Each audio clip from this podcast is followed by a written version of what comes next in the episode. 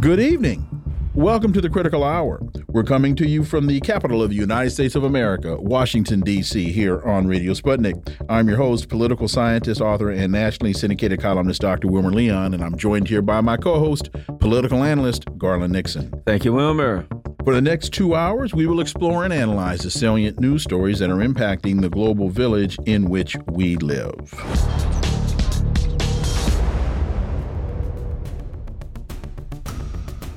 There was a, an incredibly interesting story uh, today that uh, was in the Washington Post.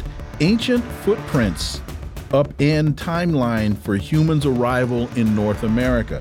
Dozens of awe inspiring ancient footprints left on the shores of an ice age lake have reignited a long running debate about when the first people arrived in the Americas.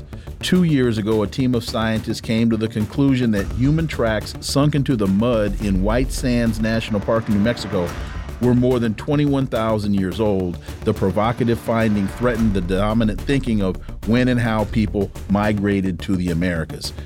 Just thought that was of note and that you all would find that interesting. Now, Sputnik International reports Vladimir Putin's full speech at Valdai Discussion Club 2023. Russian President Putin took part in the plenary session of the 20th anniversary meeting of the Valdai International Discussion Club. For insight into this, let's turn to our first guest. It's Friday, so we'll start the show the way we always do.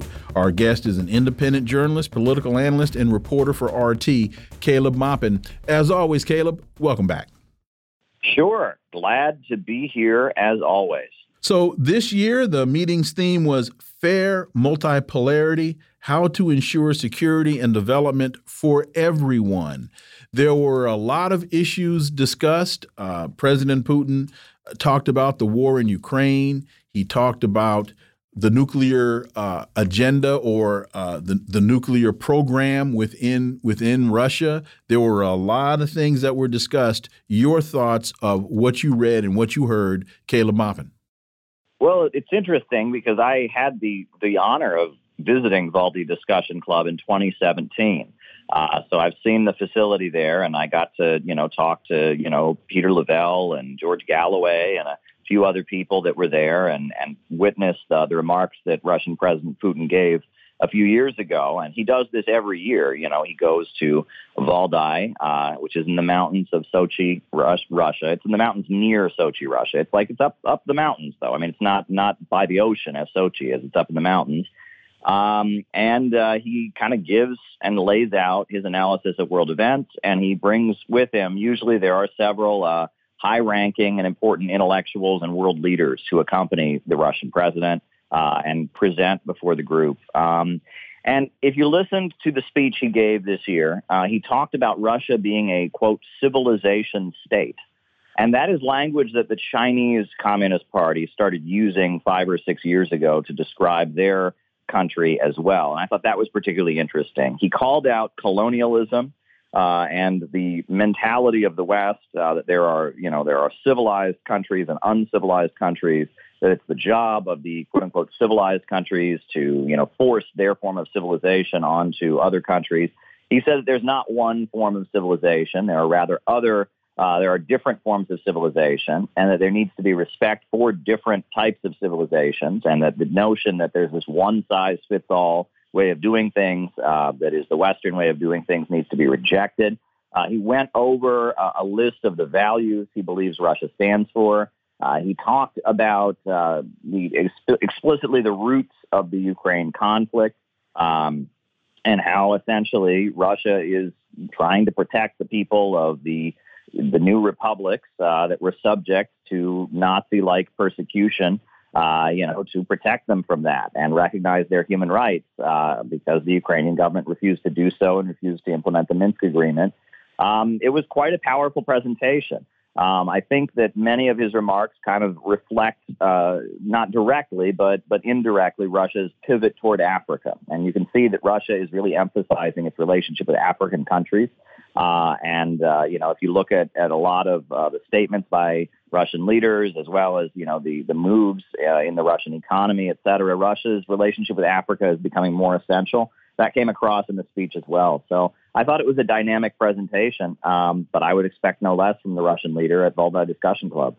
You know, what do you think about his recent comments about the Canadian Parliament, where he basically said that you know, if the Speaker of the Parliament, did, if he if he if he didn't know um, that the uh, that their their guest was a Nazi, that he was an idiot, an idiot. I mean, he spoke harshly of that. Your thoughts on you know his his comments about the and and how you think the Russian leadership sees that particular incident, Caleb? Well, that particular incident, what I find interesting about it is that there has been a reaction to it because this, there's nothing new about this. Uh, Timothy Snyder is the head of the Russian Studies Department of Yale, and he wrote a book called Bloodlands. And this whole book is an attempt to say that maybe it was okay to align with the Nazis during World War II because the Russians were so bad. That's the argument that he makes. And he just spends page after page after page trying to make the case that the Soviet Union was so bad in the lead up to World War II that maybe we shouldn't be so critical of these Nazi collaborators. And that book has been very thoroughly debunked. Uh, Dr. Grover wrote his book, Blood Lies, and showed that there is just blatant academic fraud involved. You know, the sources, the original sources in Russian don't say what Dr. Timothy Snyder claimed they said.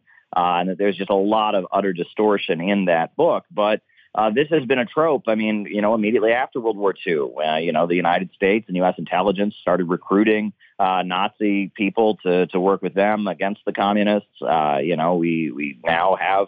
Uh, you know the the ongoing continued support for the U.S. government and uh, the U.S. government of the forces in Ukraine that are vehemently anti-Russian and you know support Stepan Bandera, et cetera. But but what's interesting about this particular incident in the Canadian Parliament uh, is that after they they gave a standing ovation to this guy, uh, then all of a sudden, out of nowhere, it seems, uh, forces that are far more mainstream and far more uh, you know uh, critical of Russia uh, came forward and said, "Yeah, maybe we shouldn't have done that." Um, and I have to say that this the coinciding and the timing makes me ask some questions too, because we saw Kevin McCarthy, the Speaker of the House ousted, the first Speaker of the House in American history to be ousted. And he was ousted for making a secret deal, uh, allegedly, to continue the funding uh, for Ukraine. Uh, and we saw, you know, a 47 day extension on federal spending in the United States passed that did not include any spending on Ukraine. And that I think that the outrage about the incident in Canada is a sign, along with these other events that are happening, that the tide is starting to turn, and that a lot of this relates to what Seymour Hersh has said, which is that there is no plan for victory on the part of the Ukrainians. There's no way they can win. Um, this is just, uh, you know, at this point, they're just trying to keep the war going and keep uh, keep the gravy train coming, keep the money coming, so they can funnel it to their their allies in a very corrupt country. But Ukraine has no clear plan for victory. Russia has won the war already. Uh, the question is, how soon uh, will that be recognized in a formal agreement, or will we just continue dumping money into the country? And uh, because the war has already been won on the battlefield, there are some within the American intelligence apparatus, within the U.S. military, who are saying, okay, are we just going to keep dumping money here? Uh, is it really worth it to just kind of keep, uh, you know, forcing Russia to have a military conflict? Or should we just kind of, you know, you know, move ahead with this understanding that Russia's already won? And I think that that the outrage about the Canadian Parliament indicates that there is probably within the American so-called deep state an understanding that Russia has already run, won the war and a feeling that we shouldn't just continue dumping money into Kiev. You know, Caleb, you, you judge a man, or in this case, a country, not by what it says, but by what it does. So when you listen to or when you read President Putin's speech, and then you compare his words with Russia's actions around the world, can you square the two? And I juxtapose that to, or compare that to President Biden, who, you know, during the um, meeting of the um, on the Americas, the summit of the Americas a couple of years ago, he talked about United States defending democracy and the people's voices need to be heard. And then we look at what the United States is doing in Ukraine. We look at what the United States is doing in Venezuela, getting ready to invade Haiti. Won't take Canada off the off the list of um, of of uh, terrorist list. Although, so your thoughts? Can you square Putin's words with Russia's actions? Yes. And the, the reason that that's so important to point out is that, you know, Putin didn't just get up there and extol the, the values of the international community that we would expect from any world leader. You know, when you listen to a speech by a UN Secretary General, they get up there and talk about how human rights are great and freedom is great and sovereignty is great. And, you know, it wasn't a bunch of platitudes.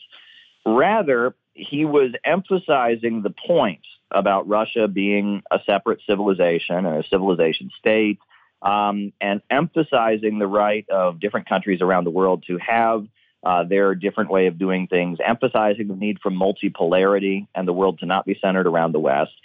And in doing so, he was actually kind of cleverly turning some of the language that is generally used by Western leaders on its head among Western leaders, there's a lot of talk of multiculturalism, inclusiveness. Uh, you know, in academia, they push postmodernism. Uh, you know, the idea that there are there are different narratives that should be allowed, and he was taking that strand of kind of liberal, what you might call liberal globalist thinking, and he was saying, well, okay, if we're for multiculturalism, if we're for different narratives, if we're for respecting different peoples and their cultures, why does that not apply to Russia?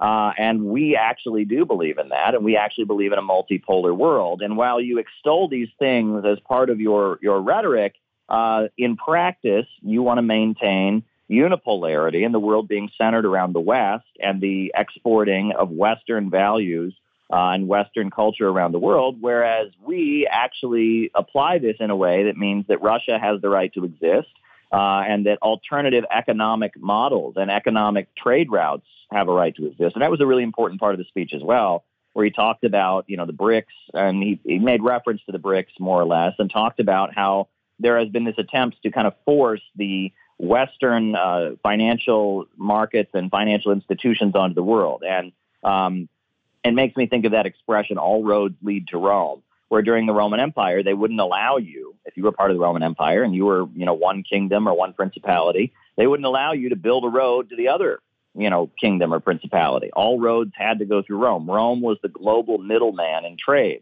uh, and uh, that kind of is what the Western countries have have maintained. They they want the right with their SWIFT system and their IMF and their World Bank to be the global middleman in trade. And BRICS, uh, and, and much of what Russia has done and much of what China has done, the Eurasian Economic Union, the Belt and Road Initiative, is about rejecting that and saying, no, all roads don't have to lead to Rome. We are going to build alternative trade routes, alternative economic structures in which you are you are not, uh, you know, a factor. Um, and that was a really important point that he made in his speech as well. And he was kind of turning a lot of the platitudes we hear from Western leaders on their head. And that was very clever because it would be very hard for them to denounce him and, and to call him tyrannical or fascistic for saying uh, what, what they themselves claim to believe. Interesting article, Jeffrey Sachs, Beyond the Neocon Debacle in Ukraine. And, uh, uh, you know, I, I, I, like the article because he gives historical context. He actually talks about the neoconservative plan to surround Russia with bases, to take uh, Russia out, and the fact that uh, it appears that it has flopped mightily. Your thoughts, Caleb?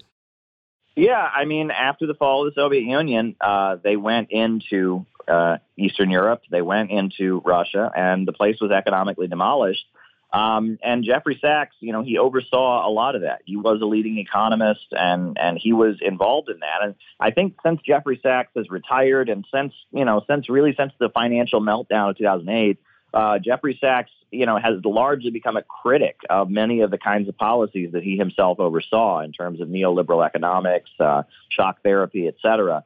And it, and Jeffrey Sachs seems to be pointing out unpopular realities, uh, I guess unpopular with the American establishment. Uh, and this article is him kind of laying out how, yes, that was the strategy of the neoconservatives, and that was the strategy of the United States, and it has backfired. Um, and Russia rebooted itself economically, largely due to the fact that Bush's invasion of Iraq shot oil prices up at the very key moment where Putin was restructuring Russia's economy to be centered around exports of oil and gas. And so just as Putin was restructuring Russia's economy to be centered around the export of natural gas and oil, uh, Bush invaded Iraq and destroyed a major oil producing country. And the result was to drive the oil markets into a frenzy. And at that point, have the highest oil prices in history at $120 a barrel. That created a huge amount of revenue. And with that revenue, uh, Putin was able to reindustrialize Russia and get their industrial output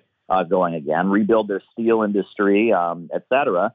Then in 2014, uh, the Western countries decided they were going to crush Russia in terms of agricultural exports. They weren't going to let Russia import any agricultural products anymore. And so that gave Russia the ability to reboot their farming sector. And that Russia has economically rebooted uh, in response to Western tax. Um, and that has then led to a situation where surrounding them with military bases uh, or trying to economically isolate them has not resulted in weakening Russia. It's actually resulted in Russia getting stronger and Russia's allies and the global trade networks aligned with Russia getting stronger as well. There's a interesting piece in Asia Times. U.S. provocatively points new nuke-tipped missile at China. It's becoming incredibly more obvious and evident that the conflict in Ukraine is over. Is the U.S. now trying to ratchet up tensions towards China? I think, unfortunately, among some of the forces in the Republican Party that are critical of sending money to Ukraine, there is a feeling that the focus should be on opposing China instead, and that's that's quite dangerous. Um, and that some of their rhetoric, uh, where they talk of Joe Biden being a communist, uh, they make it sound as if uh, the you know the Hunter Biden scandal involved you know Hunter Biden taking orders from China or something to that effect. That's all very very dangerous and I mean, at the end of the day, I think the big major corporations in the United States want to destroy both countries. But there is a divide with the big oil apparatus and the tech monopolies focused on opposing Russia, while some of the more industrial, you know, layers of the United States, in particular Apple, uh, you know, the, the hardware, computer hardware manufacturer, they make the phones and all of that. Apple uh, sees China as their primary threat. They want to put Huawei out of business. Uh, so, you know, there are there are differences among the elites, but uh, I think that there is a, a, more hawkish tone toward China, and I think there's a huge amount of disappointment in the Biden administration in the fact that they were hoping that they could, in the, in the event of the Ukraine crisis, use China against Russia, use China to put pressure against Russia, et cetera, and that didn't happen at all. Um, and so uh, they they're kind of back at China with a vengeance for uh, not not playing along and, and just kind of solidifying its relationship with Russia in light of the Ukraine conflict. So I think that's how you can explain these uh, these escalations by the United States in the Pacific and elsewhere against China. The leader of North Korea, his meeting with President Putin, what does that tell us about possibly North Korea being brought back into the world's economic fold? We got about two minutes. Well, it's going to happen. I mean, and people have known that. That's why Donald Trump went there uh, and and met with Kim on several occasions. Um, and this has expedited that process. And I think that uh, that there's only a matter of time before North Korea is part of the global economy once again. Uh, in order to do that, though, they're going to have to re-sign the Nuclear Non-Proliferation Treaty, um, and they're going to have to give up their nuclear weapons. And I think they want to make sure that they don't do that unless they get really solid backing and guarantee of protection from China and Russia. So uh, I think it's it's a gradual process, and that North Korea wants to make sure they get as much economic benefit out of it, et cetera. But I think it, it will happen. And I think as a result of, of the way the world is polarized and the way things have fallen apart, unless things dramatically shift, uh, the United States probably won't have a seat at the table in that discussion. It'll be all Russia and China negotiating the terms of North Korea's reentry into the global economy. If that's the case, then why would North Korea have to give up its nukes? If the United States is not at the table. That's an hour conversation, but give us what you can in 30 seconds. Well, Russia and China really need the Nuclear Nonproliferation Treaty to remain intact uh, because without the Nuclear Nonproliferation Treaty being intact, uh, the United States could then give nuclear weapons to all of its allies, which would obligate them to give nuclear weapons to all of their allies, and we'd have nukes all over the world. The Nuclear Nonproliferation Treaty is something Russia and China both strongly believe in because it, it prevents nuclear proliferation on the part of states that don't already have them. Well said. Caleb Maupin, as always, greatly appreciate it. Look forward to having you back. Enjoy the weekend. Sure thing. Talk to you soon. Folks, you're listening to the Critical Hour on Radio Sputnik. I'm Wilmer Leon. I'm joined here by my co host, Garland Nixon. There's more on the other side. Stay tuned.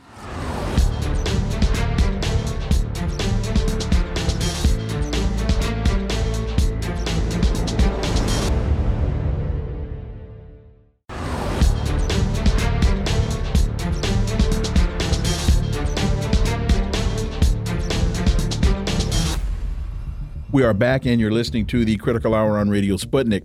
I'm Wilmer Leon, and I'm joined here by my co host, Garland Nixon. Thank you, Wilmer. Fox Business reports homes are now unaffordable in 99% of the U.S. for average Americans. Housing affordability hits lowest point since 2007.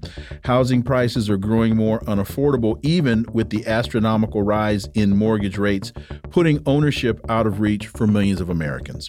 For insight into this, let's turn to our next guest. He holds a PhD in political economy, taught economics at St. Mary's College in California.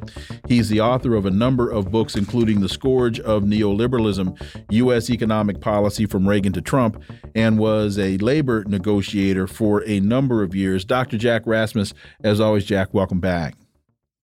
Always glad to be here. So the story continues according to a new report published by real estate data provider ATTOM which examined 572 U.S. counties and determined that median home prices in 99% of those areas are out of reach for the average income earner who makes about $71,214 annually. Quote, the latest trend continues a two year pattern of home ownership getting more and more difficult for average U.S. wage earners, end quote. Uh, Dr. Jack, the American dream the house with the picket fence in the front yard and the two cars in the driveway, housing uh, your home being supposedly your greatest asset and your greatest piece of financial leverage is now becoming out of reach for 99% of middle class Americans? Dr. Jack Rasmus. Yeah, um, it's evaporating. The dream, as far as housing is concerned, is evaporating. And uh, what we've got is uh, interest rates now, mortgage interest rates uh, as high as 7.5%. And uh, going higher, I predict. I think they'll hit 8% before the end of the year. And, uh, you know, that adds uh, hundreds of thousands of dollars to the cost and in term the total cost of, of buying a home and your monthly mortgage payment uh, becomes so high, you know, you don't have the cash flow. You ended up spending more than 50% of your discretionary income just, just for a house. So uh, it's the interest rates that are going up. And they're long term interest rates. In other words, the mortgage bond rates are this pretty much driven by the 30 year T bond, treasury bond rates. Uh, that uh, you know the the Fed charges on on on the treasury bonds, long term tre- treasury bonds. Uh, and that's going to continue going up. Not because the Fed is raising it, but because market forces are now driving the long term rate up. And that's pulling up the mortgage rate. And by the way, as mortgage rates, the cost of uh, you know buying a home goes up monthly, rents are going to come up too. And uh, you know, we we've got about an equal number of rental units and homeowner units in the U.S. You know, about 50 to 60 million people own their homes. Well, actually, the banks own them if you got a mortgage, uh, and another um, 50 million or so have rents. Well, rents are going to go up because they follow mortgage prices going and house prices going going up, and that means that the Federal Reserve Chair Powell's big strategy of last year saying, oh, we got to go and uh, uh, slow down the growth of, uh, of employment and wages in the services sector. That whole idea, right, mm-hmm. Mm-hmm. is is now gone. That strategy has failed, and you could see it in the monthly job numbers. So long term rates are going to go up. Long term rates are going to continue to go up, driven not by the Fed, but by market forces that the Fed has helped unleash. Okay. And uh, inflation in housing and in rents are going to continue to drift drift up. You know, I had somebody recently, as recently as yesterday, say to me they were looking at making a big purchase. Actually, it was an it was an RV, a friend, and they were like, eh, you know, retiring and get one of these big drivable RVs that's like one hundred and fifty thousand dollars. It's a drive around the country. But they said, you know, interest rates are up, and that's really hurting right now. And maybe we should stand by and maybe wait and see. How long do you think it's going to be? Before they come down. Mm. And I thought, well, I'll ask Dr. Jack Friday, but I don't real feel real positive about that. So, Dr. Jack, I posed that question to you for my dear friend who's asking, gee, how long do you think I'll have to wait before before I can buy my RV? Yeah, exactly, Dr. Jack. 12 to 18 months, closer to 18 than 12. Okay, you think they'll you think they'll drop? You think they will come back down? And what will cause them to come back down? Absolutely, they'll come back down, and uh, they'll come probably come back down hard because that's what happens in a recession. The recession is going to hit, and the higher that these interest rates go before, the faster and harder will be the contraction. We're already in a recession in the goods sector, in other words, manufacturing and, and housing. That's called the goods sector of the economy. That's about 20% of the economy, GDP. That's already contracting and has been contracting for months. So we were in a recession in those sectors. What's holding it up is the services side of the economy, which is 80% of GDP, that hasn't responded to five and a half percent interest rates, which I said it wouldn't respond to. You have to raise interest rates much more than five and a half percent to take the wind out of the service sector. But the Fed can't because if it hits five and a half, six percent, those rates precipitate a financial instability event, which we already saw in the regional banks, which is coming in the commercial real estate, and now in the bond markets, it's beginning to fracture as well. So it's coming. The recession is coming, and it's going to come harder than people think. And that's when your rates are going to fall off a cliff. So he better wait 18 months if he doesn't want to pay tens and hundreds of thousands of dollars uh, extra over the life of his, uh, you know, his contract for his RV. Before we get to the detailed discussion about the bond market, one more question about this: mortgage rates are at seven and a half percent. I remember when they were at fourteen back during in the what was that the late eighties or 81, 82. 81, 82. Yeah. I don't remember reading things at that time homes are now unaffordable in 99% of the U.S. for average Americans. I, I don't remember seeing studies like that. They existed. The, the, the, the mortgage housing market collapsed. I remember that. So that manufacturing goods you couldn't buy.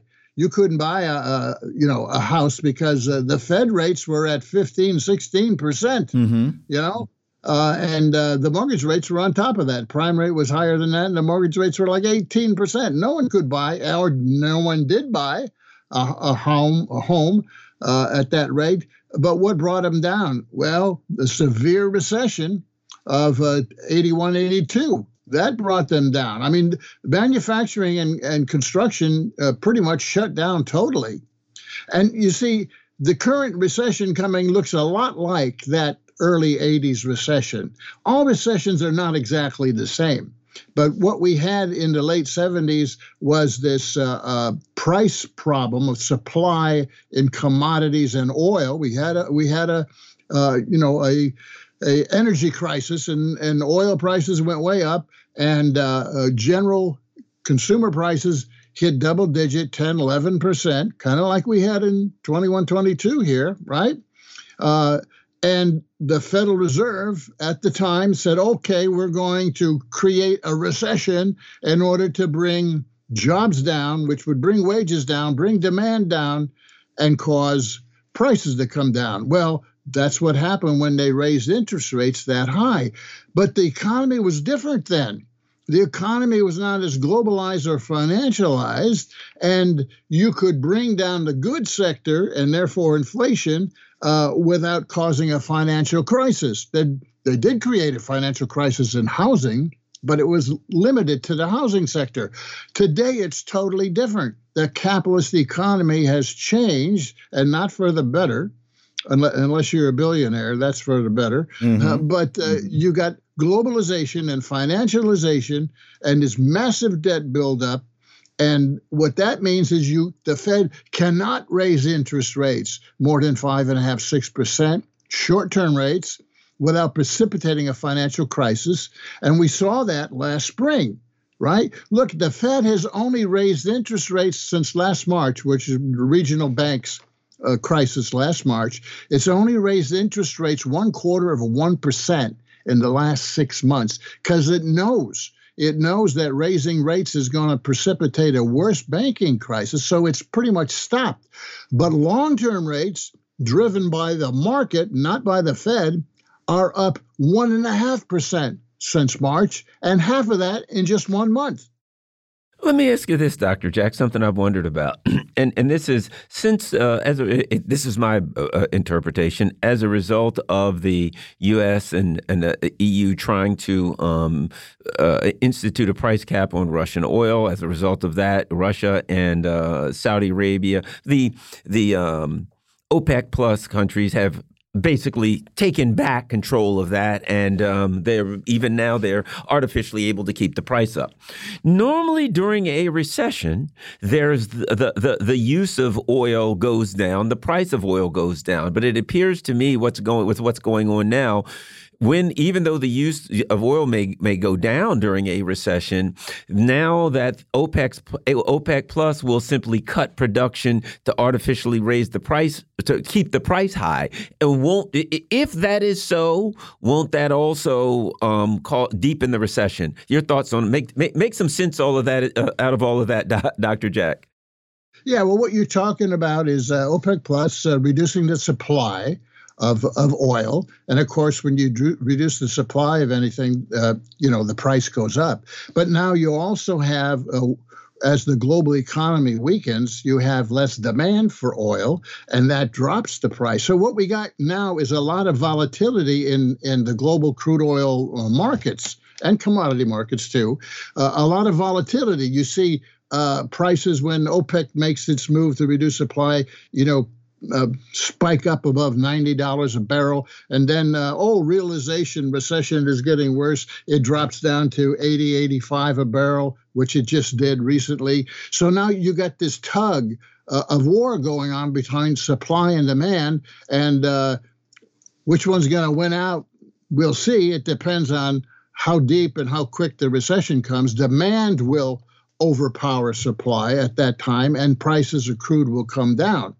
Um, so we're at the cusp of that. You know, which one is going to uh, win out? How is it going to break eventually? OPEC Plus will keep uh, reducing supply because uh, it has control over it. But you know, uh, the global price of uh, crude oil uh, is not the whole picture for what you pay at the pump for gasoline because American oil companies control the bottleneck of refining this global oil.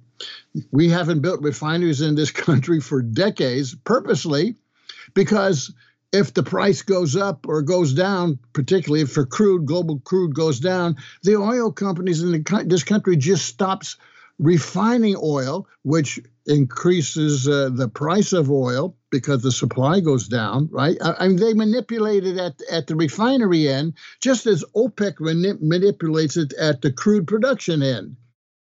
We were mentioning the bond market earlier. Now, a little more specifics. The 5% bond market means pain is heading everyone's way. The impact will be felt in everything from shoppers' pockets to company balance sheets. Bloomberg reported losses on Treasury bond with maturities of 10 years or more had notched 46% since March of 2020, while a 30 year bond plunged 53%. Jack Rasmus, why is this so significant? Well, because the bond markets are far more important than the stock markets. The bond markets you know, at the core of which is the Treasury, government, sovereign bond markets, are are the key to capitalist uh, stability or instability. And uh, what we've got going now is that the Fed has uh, issued so much debt, right? Uh, and it's going to have to throw uh, even more sales of bonds into the market. Well, when the Fed sells bonds, that increases the supply of bonds, doesn't it, in the market? And the supply of bonds, if it increases, uh, lowers the price of bonds. Uh, and if you are a business, a bank, or whatever, and you're holding treasury bonds on your balance sheet and the prices collapse, guess what? You're deep in the red, right? oh, something happens. Well, what happened in March was those regional banks who were holding a lot of treasuries that were issued in 2020, 21 because the interest rates were so low. They loaded up on treasuries, know, Silicon Valley Bank. And uh, when the price of treasuries uh, began to fall as the Fed raised interest rates, because the price and interest rates move inversely with each other, right? You raise interest rates, the prices of bonds fall.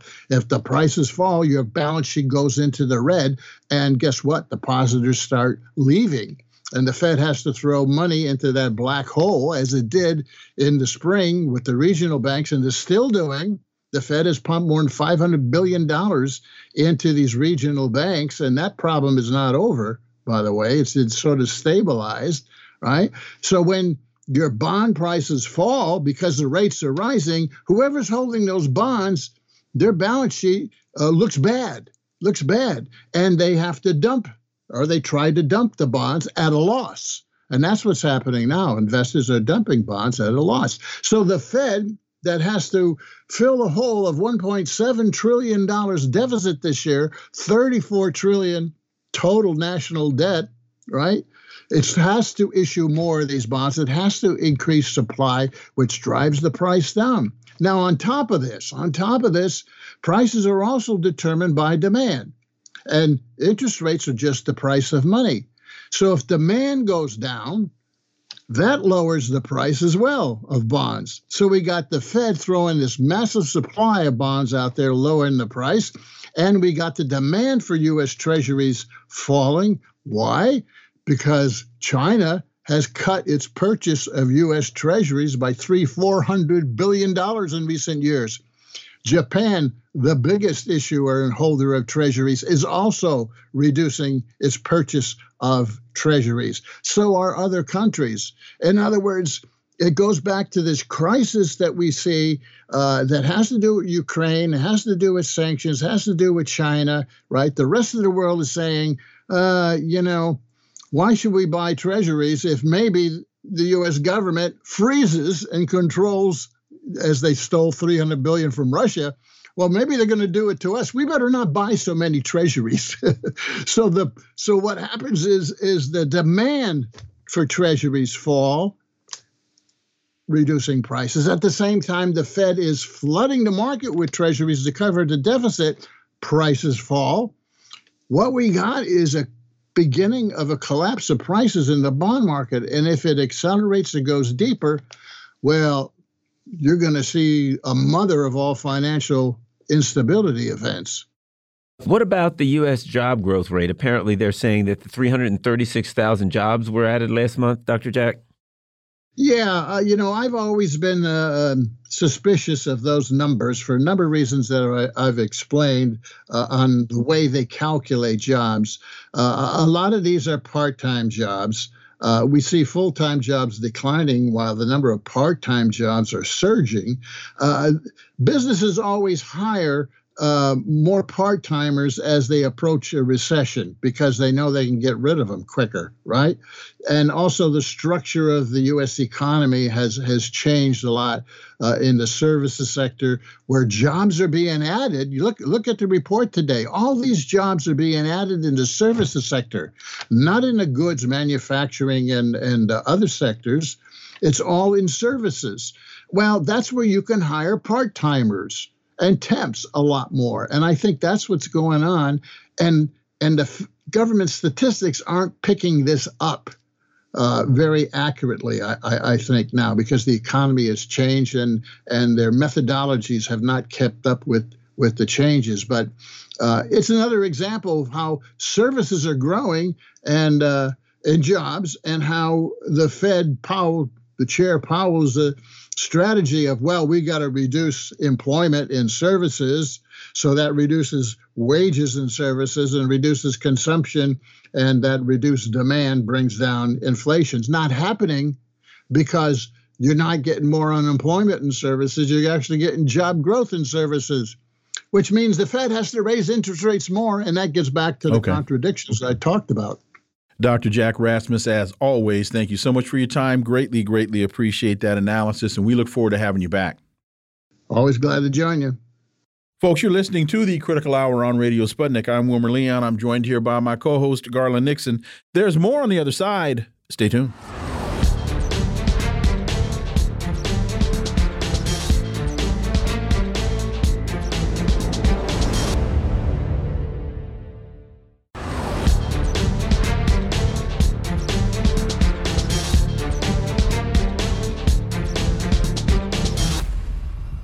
We are back, and you're listening to the Critical Hour on Radio Sputnik. I'm Wilmer Leon, joined here by my co host, Garland Nixon. Thank you, Wilmer. Antiwar.com reports Ukraine is freaking out over the lack of U.S. aid from Congress. A Ukrainian member of parliament told Politico that the situation is a disaster. We are freaking out.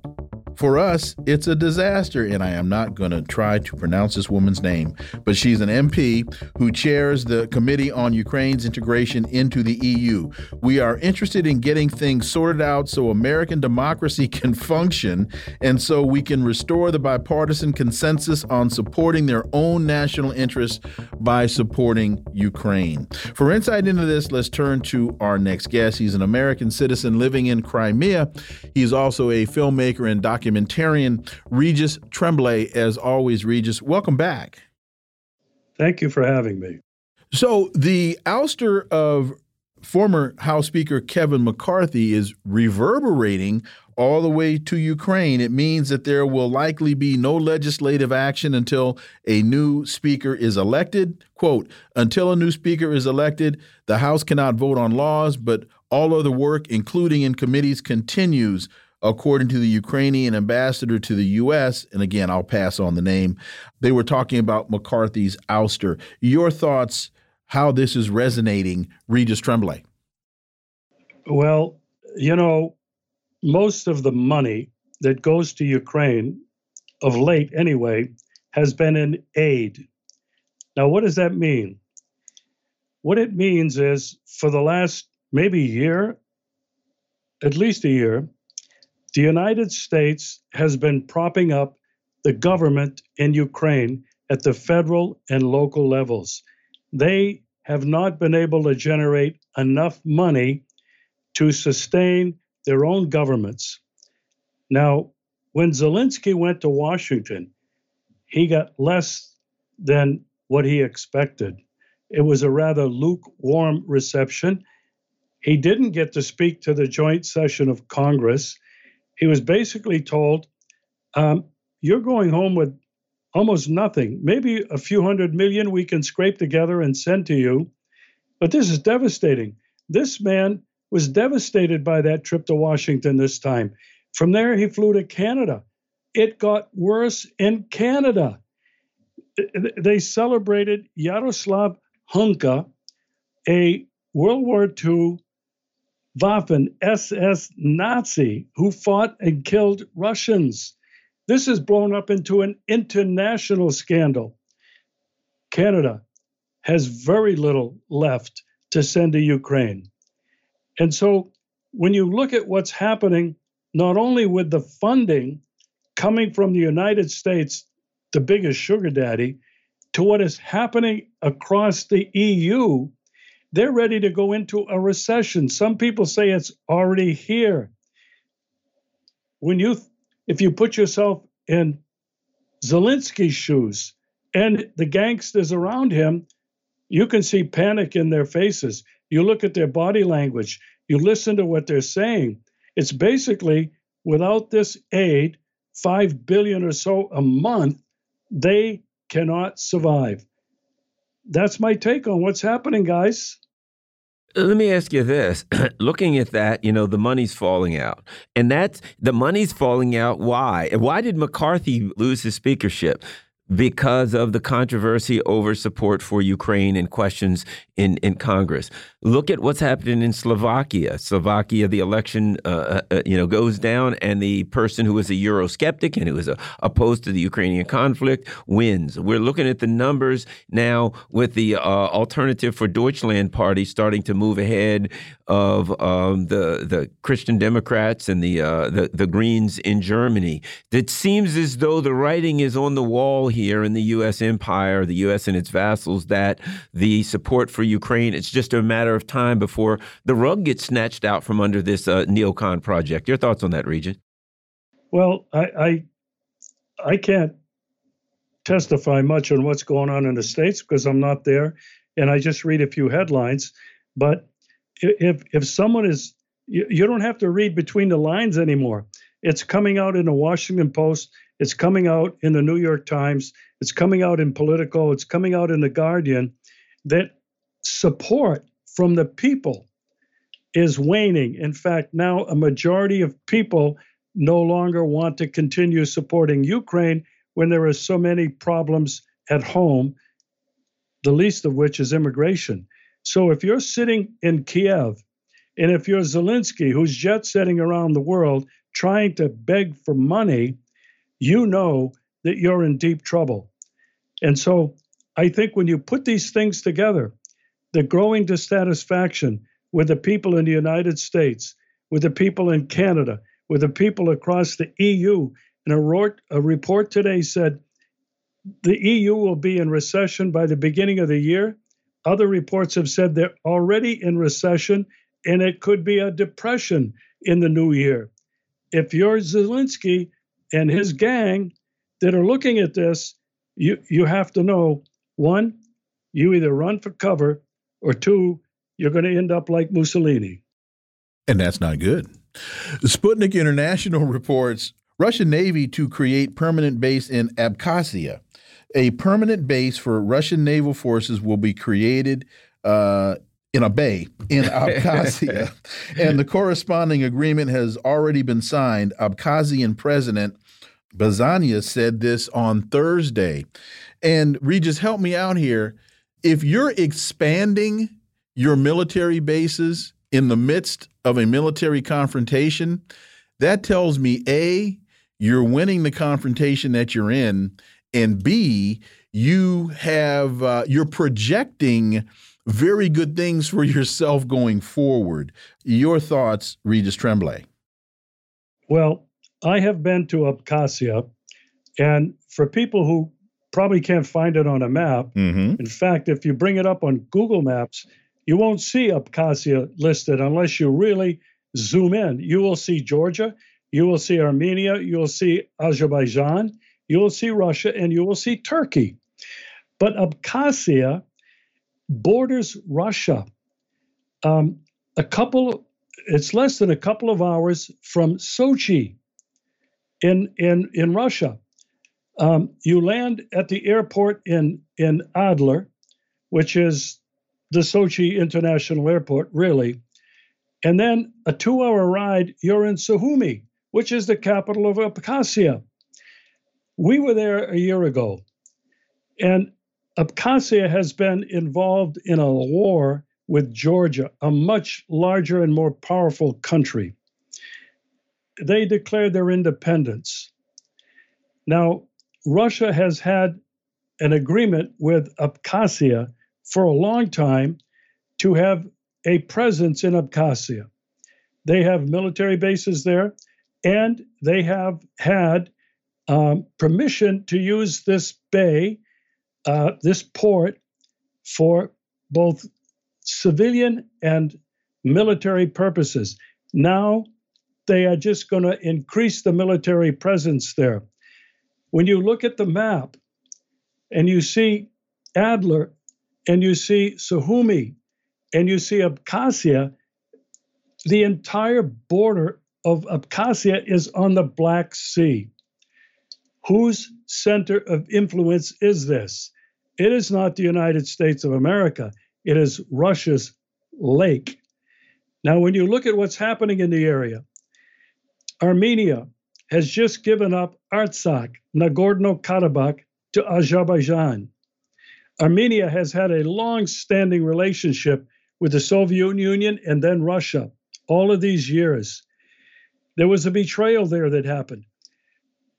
What I really have to point out is when you look at the players who are involved in this region, the South Caucasus, you have Georgia, you have Armenia, you have Azerbaijan, You have Turkey, which is supporting Azerbaijan, a Muslim country. You have Israel, who is supporting Turkey and Azerbaijan. Why? Because they are enemies with Iran, which borders this region, and Iran has been friendly with Russia and Armenia. So, what you have here is a powder keg, a struggle for geopolitical, geopolitical power in this region. To think that Russia was going to increase their military presence in Abkhazia, well, of course, with very little effort. And when I look at the Black Sea, and I look at, uh, you know, of course, we, you know, recently the neocons have been talking about expanding the U.S. empire's presence in the Black Sea and doing this stuff in the Black Sea. When I look at that map and I see from Odessa to Abkhazia, Abkhazia, it makes me think that the Russians are planning on ending up taking Odessa. I think the threats to the Black Sea, to me, have made it clear to Russia that they need to control this entire coastline. Your thoughts? Well, let's put it this way Turkey has an enormous border along the Black Sea. They control the straits through which Russian Navy and civilian uh, shipping must go through. Um, Odessa is the remaining Ukrainian port on the Black Sea. Russia basically has the rest of it from from uh, Kherson, that whole region, all to Mariupol. And so I, I, I really hesitate speculating on how this is going to end, but I can't help but think the way this military conflict has gone in Ukraine, their military is done, defeated. The attacks that are coming with these uh, Taurus missiles, the Storm Shadow missiles, the Tomahawks, and soon the ATACMs have not been fired by Ukrainians. They've been fired by Americans, Canadians, French, and Germans. And they've, fi- they've been firing from very close to Odessa and the uncontrolled regions of, of Russia along the coast. And they have a capacity to reach almost anywhere in Crimea including where I live in Yalta. I think it's imperative for Russia to be able to take complete control over Odessa or they lose they lose control of the Black Sea. Antiwar.com reports NATO official says the bottom of the barrel of weapon stockpiles is visible. The head of NATO's military committee is urging the alliance to increase arms production, warning the bottom of the barrel of NATO's stockpile is now visible due to the massive amounts of weapons and ammunition that have been shipped to Ukraine. What signal does this send to you, Regis Tremblay? Well, this is very much connected with the first topic we talked about. Ukraine is freaking out over the lack of new U.S. aid from Congress. Now, when NATO says they're running out of weapons, uh, you have to understand Zelensky and Ukraine, those who are fighting this war for the United States and NATO, are freaking out. I just read today, and, and this has been public knowledge uh, on the internet, it's open source, but Russia has revealed it. They stepped up production of their military and industrial complex to go to seven days a week, three shifts. That's 24 hours a day. They have been producing everything from shells. They have been producing, in a year, they can produce 200 of their hypersonic missiles, the Kinzhal and others. 200 a year they can produce. They're not running out of anything. They have been producing new tanks with higher technology. They've been producing radar. They're producing more helicopters. They're producing more fighter planes. This, this is the way this situation is playing out. The West has lost. They cannot possibly keep up and they cannot possibly sustain not only the financial contribution, but the contribution in terms of weapons, even the United States, the generals have said, we can't keep up. We don't have enough for our own needs. And so when I look at this, I just connect the dots and I'm saying, this thing is over. What's going to happen, I think, in the near future is the complete capitulation of NATO and the United States in Ukraine. I think it's obvious. To me, anyway, it is. Let me ask you this also. You know, what we've heard is, you know, oh, Putin wants to take Ukraine. And then after that, he's going to not going to stop until he gets to, you know, the uh, France and, you know, on, on to the English Channel. If the Western countries really believe that, they wouldn't disarm themselves. Regis, your thoughts? We got about a minute and a half. Yeah, no, this this is total insanity. In Putin's incredible historic speech yesterday, he said, We have no intention of expanding. Our landmass is the largest in the world. We're worried about developing the Far East, Vladivostok, with China and Asia. He said, We have no intention, and we never have, of invading any of these countries from Finland, Norway, Sweden, all the way to Portugal. It is total insanity that these people think and convince their people that Russia is wanting to invade. It's ridiculous.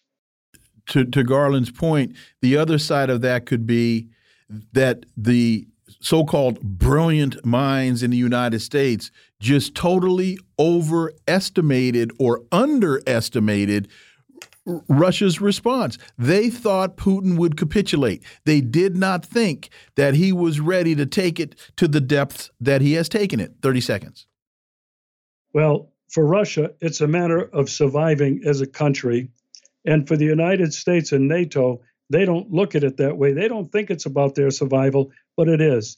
So the motivation is with Russia and the Russian people who are united and solidified about preserving their history, their culture, their language, and their people. Regis Tremblay, as always, thank you so much for your time. Greatly appreciate that analysis. We look forward to having you back. Thank you very much for having me. Folks, you're listening to the Critical Hour on Radio Sputnik. I'm Wilmer Leon, and I'm joined here by my co host, Garland Nixon. There's another hour on the other side. Stay tuned.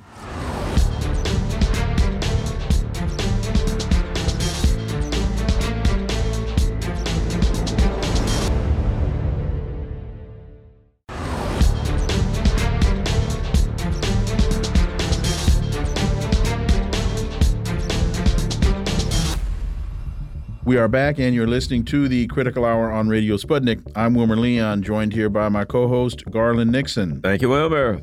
Cornel West leaves the Green Party in favor of an independent bid. The outspoken progressive scholar scrambles presidential politics once again. What is the significance of this, and what are the signals being sent? Well, for insight, let's turn to our first panel. It's Friday, so that means it's panel time, and we're joined by a member of the coordinating committee of the Black Alliance for Peace, member of the Black Working Class Centered Ujamaa People's Progress Party in Maryland, and founder of Liberation Through Reading, and co editor of the revolutionary African blog Hood Communist. Erica Caines, as always, Erica, welcome back. Thank you for having me. We're also joined by the chair of the coordinating committee of the Black Alliance for Peace and editor and contributing columnist for the Black Agenda Report and the Green Party candidate for Vice President of the United States in 2016, Ajamu Baraka. As always, welcome back. Good to be here. Thank you. So, Ajamu, we'll start with you. Uh, Dr. West is leaving the Green Party. He'll continue his bid for the White House as an independent candidate. Quote, as Dr. West's campaign for president grows, he believes the best way to challenge the entrenched system is by focusing 100% on the people, not on the intricacies of internal party dynamics. This was a statement from the West campaign. And so, uh, Jamu, you were the 2016 Green Party vice presidential candidate. We'll start with you on your thoughts on this. Well, you know, uh, Jill Stein and I released a, re- a, statement yesterday where we basically um, uh, thanked Dr. West, uh, wished his campaign luck. Uh, we understand the, the concerns of the campaign. Um, but we also recognize, too, that that decision is a decision that's going to uh, present some really formidable obstacles and challenges uh, for the campaign. Now, you know, it's interesting that it's being framed as Dr. Dr. West's independent challenge. Well, in a way, he was already involved in the independent challenge when he was mm-hmm. involved with the Green Party. Mm-hmm. That is an independent challenge outside of the of the duopoly. Uh, and you know, as, as, always, though, when you're dealing with organized formations, and the Green Party is an organized party, uh, of course, you'd have to deal with some of the internal dynamics. Uh, no one was going to be allowed to just uh, uh, uh prance in and just be coordinated the nominee of their party. You have to go through those processes. Processes that really are not that that onerous, but you know, we, we, we respect what he is attempting to do. Um, and we wish, again, the campaign luck. But, you know, when you understand that this election uh, and the movement in this country is all about uh, challenging power, uh, is all about building the ability to, in fact, challenge power. And that means you have to build structures, you have to build organization. And so a, a candidate centered uh, campaign that does not have a clear, uh, explicit objective to building the capacity of the people to not only engage in the bourgeois electoral process, but to engage in the process beyond uh, bourgeois politics, but to in fact build uh, dual power where they can in fact contest for power. So that's been one of the objectives of the in my participation, for example, in bourgeois politics in 2016, it was to commit myself to helping to facilitate the, the, the organization of the people to help build a more effective, organized opposition. Um, and that should be the objective of any uh, campaign that purports to want to raise issues and to, in fact, uh, challenge the status quo. Erica Caines, your thoughts? I mean, I, I agree with Ajamu in terms of um, the purpose of running these independent third party campaigns um, is to build dual power. And I feel like without um, having a political objective or having a clear one that's expressed, then you do run into particular limitations. Um, but I do uh, hope that the campaign um, seeks what they're what they're looking for in this independent race. Um, but yeah, I, I know that that anytime that you enter these in this political arena, it's a it's a struggle. Um, and you know, criticism notwithstanding, I think that um, it is really important to to have objectives, um, whether or not you uh, intend on winning per se, or if you're just running uh, to to contend with with dual power or contend for dual power rather. Ajamu, this this is not running for prom queen or homecoming king. There, you've you've got to get on ballots. You you have to have an in, and if my memory serves me correctly, when you all when you and Jill Stein ran, you all were on forty the ballots of forty seven states, if I'm if my memory serves me correctly, or close to it. Yeah, yeah, we, had, we was on forty four. Four, okay so you don't just declare you're going to run for president and run for pre. I mean, you've got to be on ballots, and in order to be on ballots, uh, in fact, I thought that that was a problem with the People's Party was that they were only on like three or four. So if you're going to run as an independent, how do you get? What's the practical application here of how you get on the ballot? Uh, if you're if you're not going to participate in the in the Green Party, which again, 44 ballots. Well, you know, uh, uh, uh, that, that is a very good uh, good question. Oh, okay. One of the questions that uh, that the campaign needed to grapple with. That um, you know, one of the reasons why I think that uh, Cornel West came to the Green Party was that he recognized that it is the only apparatus out there, objectively, that has the experience and the capacity to, in fact, get on the ballots. You know, most of the there are a number of of, of political parties that proclaim they're running for president. But these are not really that serious. I mean, they play a, a good role in terms of raising certain kinds of issues, but they're not going to be uh, contending for power, and they they pose no real threat to the to the ruling elements. But the Green Party has now a record uh, uh, and a capacity for getting on these ballots We have people in these various states that understand the, the intricacies of ballot access because every state is different. And we have something that most of these parties will have real live human beings on the ground who, who are prepared to do the work. So just in the short time that uh, uh, Cornel uh, was with the Green Party, uh, the ballot access mechanism sprung into action. Uh, the the party is on uh, 20 states at this point, and we'll be we'll probably end up doubling that at minimum. Uh, what this means with uh, the announcement to run as an independent, it means that he has in fact um, uh, for, foregone those uh, 20 states. He, the campaign has to start basically from scratch with no discernible field operation. And, um, you know, one of the other things is it, that when you engage in a bourgeois approach, you, you have to come you have to come up with money because if you don't have a operation on the ground, you got to pay for it, and that is incredibly expensive. For example, we know that the the uh, no labels uh, uh, uh, uh process in which these ruling class elements are going to get on the ballot in 50 states to run a so-called centrist, they have already estimated it's going to cost them 70 million dollars. Okay, so this is this this serves as a formidable uh, challenge for the for the campaign, and and in some ways it's unfortunate because the kind of of leverage that the uh, the party would have had with a Cornel West. And the, the ability to, in fact, frame the politics, the discourse in this country, uh, are now going to be the the, the the the challenge, the threat is has been completely now mitigated with objectively, uh, objectively the West campaign uh, taking itself out of contention. Now, they claim that they're going to be able to meet the challenge and get on the ballot. If they do that, they'll still be a formidable uh, opposition, but it's going to be very, very difficult. So, does this open the door for Robert Kennedy Jr. to come over to the to the Green Party, Ajamu? Oh no, okay. Robert Robert Kennedy Jr has his politics have no, have, have no relationship to okay. the politics of the Green Party.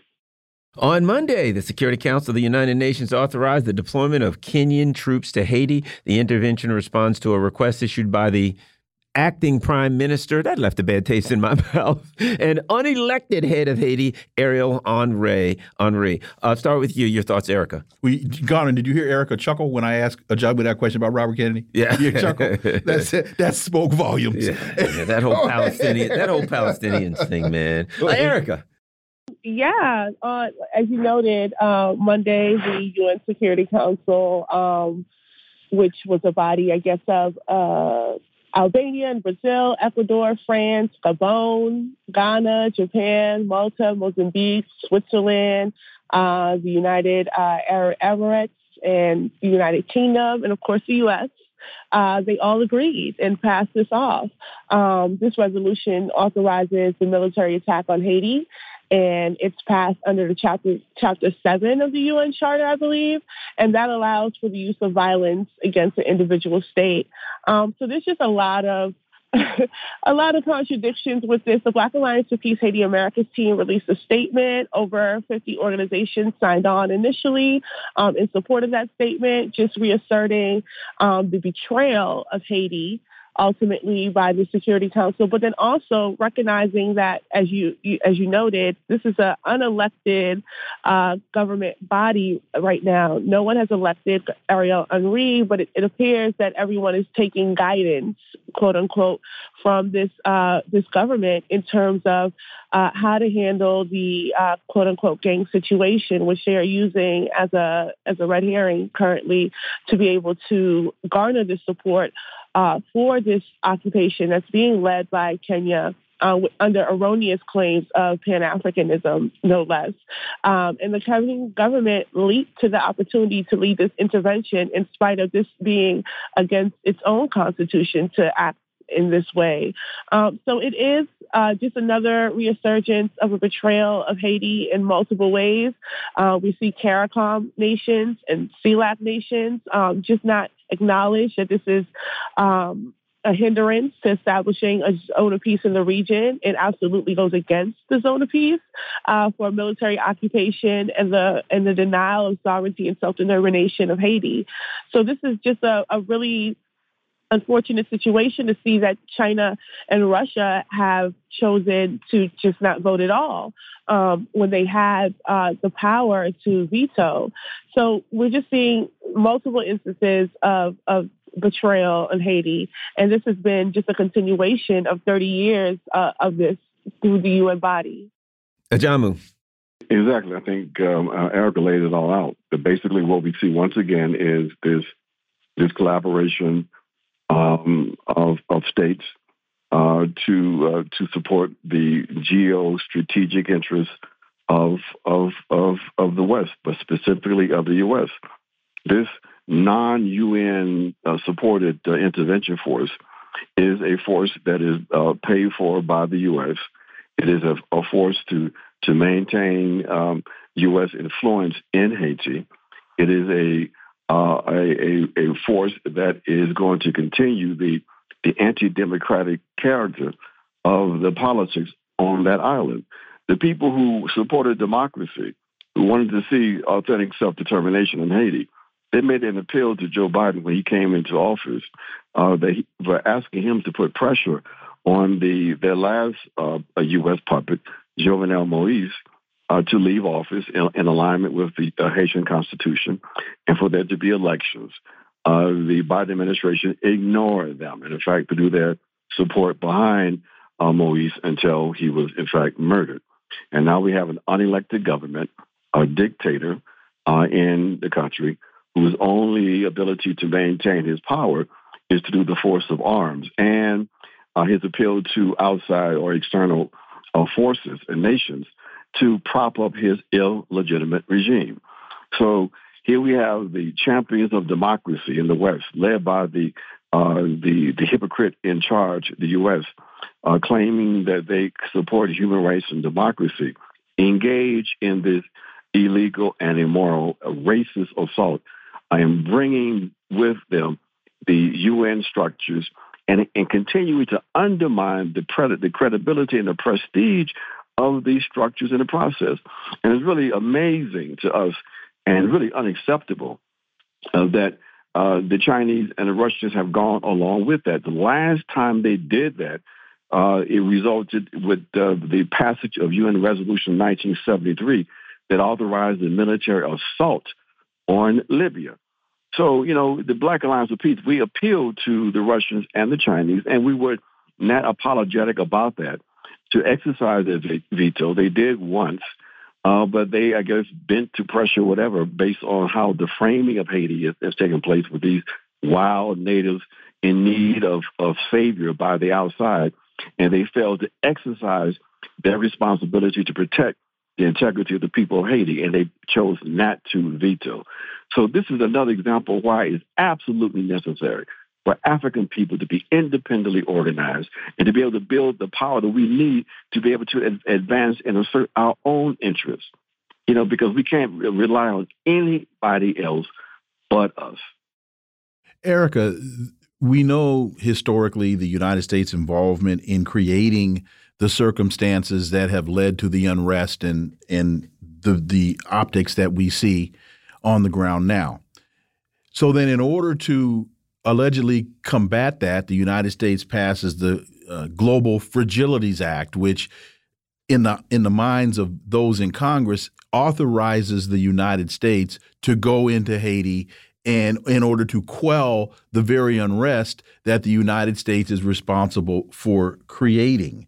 Speak to the kind of the circular argument of all of this, and now they find they, they they're going to pay $200 million so that Kenya can go in and act as the United States agent in order to quell the unrest that the United States is responsible for creating.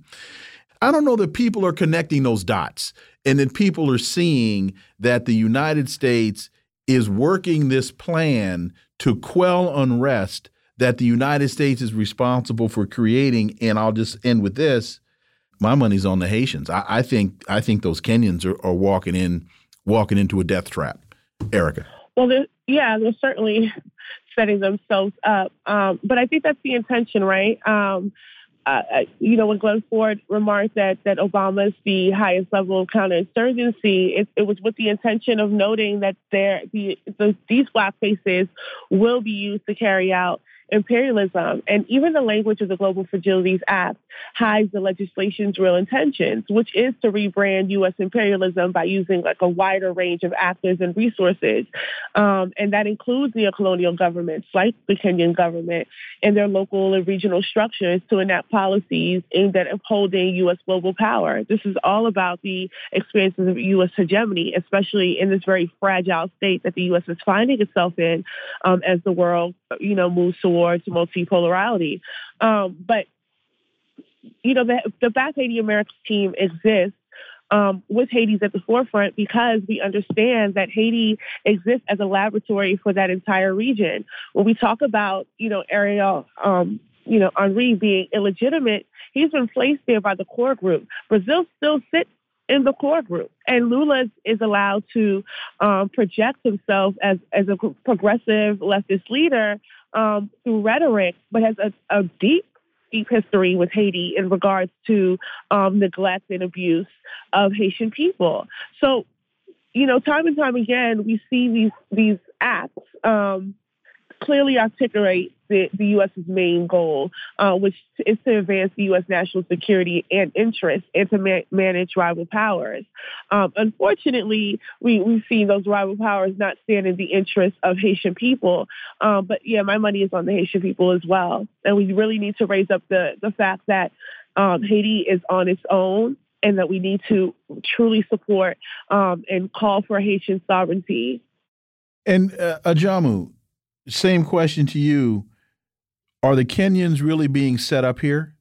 That they're they're basically going to be the stalking horse so that the unrest is shown all over the world and oh my god it, it's become this conflagration. Now the marines got to go in. Well that could be a possibility. I mean they're, they're not being set up in the sense that they have they are willing partners to they're willing uh, servants to to u.s interests uh, and they're getting paid in the process. I guess that that the, the line is uh, fair exchange ain't no ain't no theft. There you go. I mean, you know, this is this is you know this is you know power politics and and, and money and and all of the corruption that we see as part of this international system, and that's what the U.S. is able to to garner. They understand that they can they can corrupt uh, these these already corrupt uh, uh, puppet neo-colonial states like uh, like Kenya. Kenya has, has demonstrated already in the past its willingness to uh, to serve a U.S. imperialist interest, even to the detriment of the lives of Kenyans. So this is a continuation of, of that process. But what's more ominous about this this particular turn here is the framing of it as some kind of, of pan Africanist act of solidarity.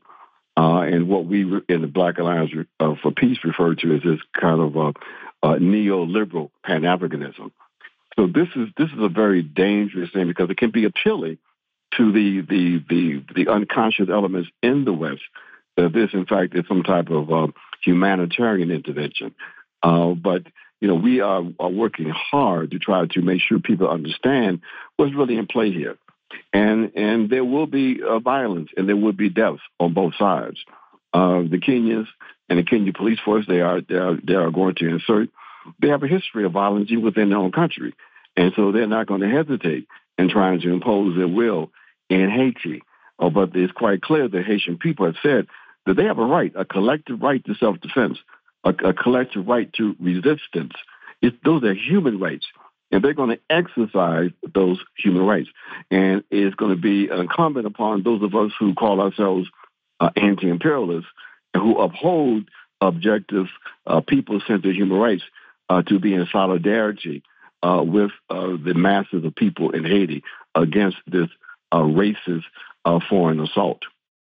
AMLO, Mexican President Andres Me AMLO, I always mess up that name. We'll go with AMLO. Blamed the United States sanctions and blockade policy against Cuba and Venezuela as the cause of increased regional migration. Your thoughts, Erica? Well, clearly, um, the way that the U.S. has continued to treat the the rest of the Americas as uh, what Biden is now referring to as its front yard has had implications in terms of the migrant crisis. Um, you know, sanctions kill. Uh, that's not just a slogan; that's the actual material reality. Um, they they kill women, children. Um, they starve off large communities, and they cause um, these conditions where people feel like they have no choice but to leave, and they are in fact getting stuck because leaving um, conditions which are very dire and, and attempting to head into the unknown with very little, um, many people are getting trapped um, in Mexico. You know, we know a few uh, people that ha- that has happened to leaving out of Cuba. But I do want to, I do find it very interesting that the, the concern for the migrant crisis um, because I do know that it affects Mexico primarily. But then also, you know, that migrant crisis is also including Haitian, mm-hmm. and and you know, and he was very much on board. You know, they've been trying to do this occupation of Haiti for the last two years, um, and Mexico was one of the the countries that they the U.S. has tapped to, and Mexico was very much on board uh, when when John just spoke to uh, the BAP Haiti Americas team, you know, writing to China and Russia initially, um, that was during that time. So, you know, this this is something that's drastically affecting the Americas, but, it, you know, we do need to sort of, you know, make note of where the solidarity and where the interest and the call for um, what's being called a crisis and, and, you know, which states that's being called to. Ajamu Baraka. Look, we we um, uh, AMLO has is, has some serious issues, and I mean, on one level, he's correct that is, it is the policies of the U.S. government and U.S. capital that's creating the conditions that people feel compelled to have to move from their own nations uh, to try to get into the U.S. Um, and in particular, we see with the situation with the sanctions against against Haiti uh, against against well against Haiti also too, but also in certain, to a certain extent, but against the Venezuelans, um, that this is creating these kinds of, of conditions. So, you know, but as, as Erica points out, uh, the Mexican government is, is contradictory with their their positions. You know, uh, the the position should be for all progressive governments is for the U.S. to be out of the Americas, for the U.S. to stop its meddling in the affairs of these states, these sovereign states uh, in the region. The sanctions should be lifted. Uh, that uh, U.S. capital should not have a free reign uh, to uh, undermine the economies of these various uh, nations in, in our region. Um, and that there should be the free flow of people, you know, as a consequence of independent regional economic development. And that, that development or economics in which the U.S. imposes its will on the economies uh, of the region. So, you know, as Eric also pointed out, you know, we have contradictions with even these progressive governments beyond Mexico, and the Brazilians continue to play a, a contradictory role, uh, not only with their their continued stance with like with Haiti, but also uh, other issues. And we have to remind ourselves that the most vicious police force on the uh, in the Americas, and maybe in the world, is in Brazil. Who are they murdering? They're murdering to the tune of 6,000 people a, a, a, year, Africans. So, you know, while people, we celebrate these progressive governments and all this, again, we've got to have our own independent lens because, you know, most of these governments who have not come to terms with white supremacy and come to terms with the, you know, uh, the reality of the African world, you know, they will collaborate with our enemies in a heartbeat. And we've got to understand that. And just quickly to the point you just made about Brazilians killing Africans, people might scratch their head and saying, wait, how does that happen? And what people need to understand is that the greatest contingent of Africans outside the continent live in Brazil. Exactly. Exactly. And the second and the second is the U.S. and the third is in Colombia, mm -hmm. where Africans are still displaced. So this and these are all the result of the activities of the U.S. And that's why we say in the Black Alliance of Peace the U.S. out of the Americas. That is, you know, the settler colonial state, the illegitimate settler colonial state in the in North America, in the territory we call the U.S. If they continue to to to meddle, if they continue to, to deny the rights of of of, of national uh, mm-hmm. uh, uh, groups in the U.S., they should be uh, seen as the enemy of everybody in the Americas. Erica Caines, Ajamu Baraka, thank you both so much for your time. Have wonderful weekends. We look forward to having you all back. Thank you. Thank you. Folks, you're listening to the Critical Hour on Radio Sputnik. I'm Wilmer Leon. I'm joined here by my co host, Garland Nixon. There's more on the other side. Stay tuned.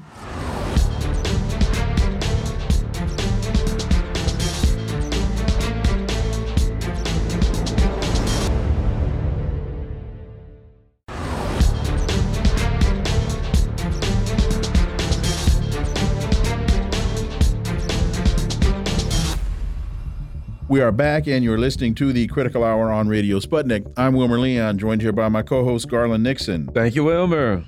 Antiwar.com reports 11 activists arrested in Senator Bernie Sanders' office demanding diplomacy instead of funding for more war in the Ukraine.